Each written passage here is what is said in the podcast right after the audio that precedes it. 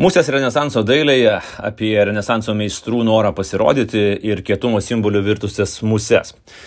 Vasariškas atostogos jau baigėsi ir nuo kitos savaitės šitas substekas grįžta pilnu pajėgumu. Paskutinėse vasaros kronikose pristatysiu visus rudens kūrybinius planus ir ką gaus prenumeratoriai. O kol kas toks smagus lengvas tekstukas ir mini analizė apie muses Renesanso dailėje.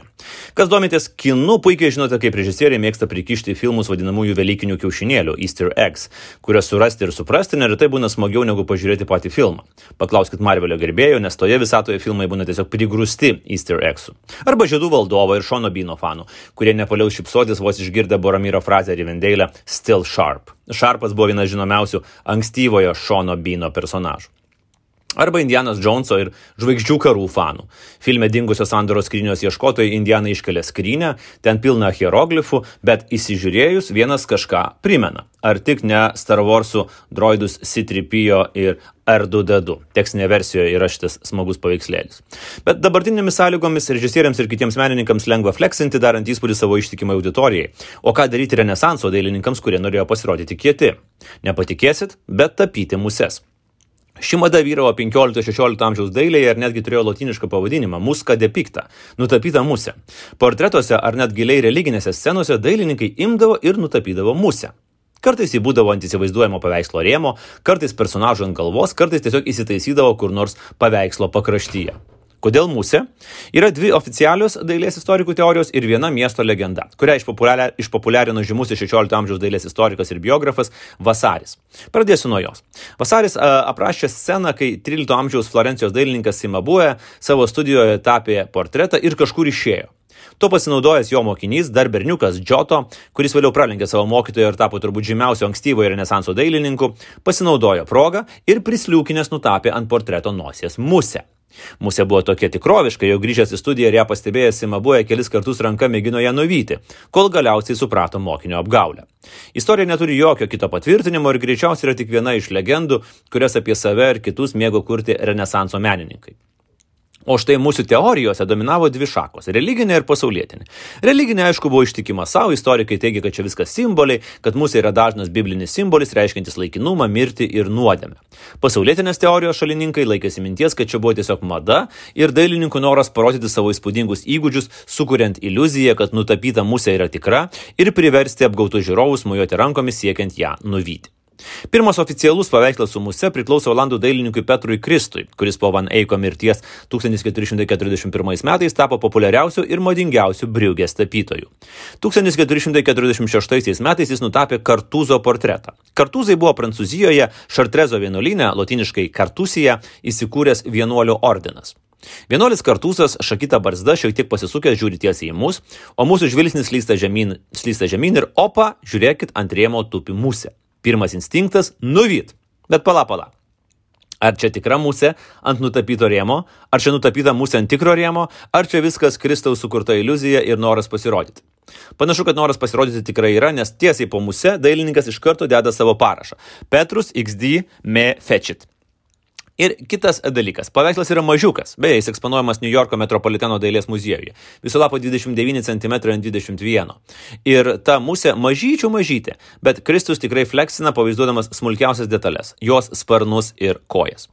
Kaip tai įmanoma, dailininkas greičiausiai naudojo tais laikais brangų dalyką, didinamą į stiklą ir galbūt plonyti taptuką su vieninteliu plauku. Kitas paveikslas su musė dar įspūdingesnis. Tai šiek tiek vėlesnis italų dailininko Karlo Krivelio kūrinys Madona su kūdikiu.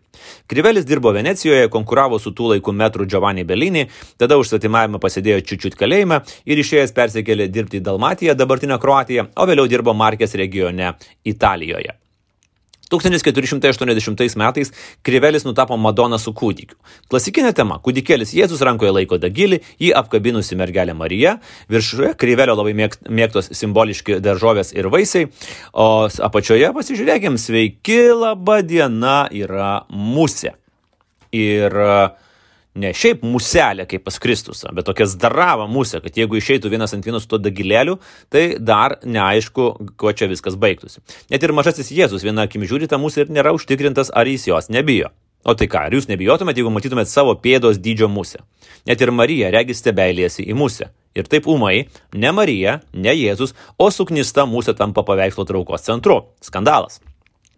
Krivelis žaidžia paprastai, jis nutapo realaus dydžio musę, kadangi pats paveikslas kaip ir kartuzo portretas yra nedidukas, tada atsiranda didžiulė disproporcija tarp paveikslo personažų ir žmonėms ima atrodyti, kad musė yra tikra.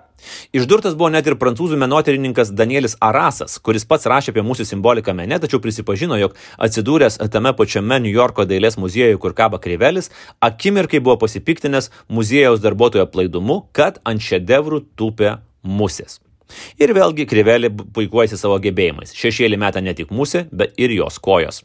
Čia jau nesusijęs su musė, bet norėčiau atkreipti dėmesį ir į paveikslo foną. Jis nestatiškas, kaip buvo būdinga ankstyvajam renesansui, ten vyksta veiksmas, kažkur žygiuoja žmonės su turbanais. Beje, turbanas buvo pats lengviausias ir paveikiausias būdas renesanso dailėje pavaizduoti kitokius žmonės - turkus. Na, o šiuo atveju tiesiog random musulmonus, kad atrodytų, jog veiksmas vyksta šventojoje žemėje. Net ir žymusis vokietis Albrechtas Düreris pasidavė šiai madai. Palieku jums rasti musę tekstinėje versijoje jo žymiajame 1506 m. paveiksle Rožių girlandų šventė. Radot? Šaunu. Düreris irgi buvo geras frajeris. Nutapyti mergelę Mariją karūnuojančią imperatorių Friedrichą III ir e, įkalti musę į patį paveikslo centrą tam tikrai reikia kiaušų.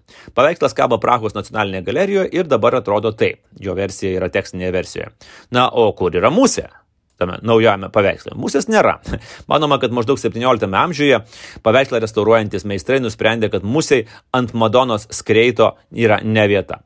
Musė galime pasidžiaugti ir mes. Štai Čeko Iržio Altmano sukurtas žymiojo LDK laikų spaustuvininko ir humanisto Pranciškaus Korinos portretas, kuris buvo išspausdintas 1517 metais išleistoje Biblijoje rusienų kalba. Ir žiūrėkit, kokio dydžio musė pavaizduota paveikslo apačioje dešinėje.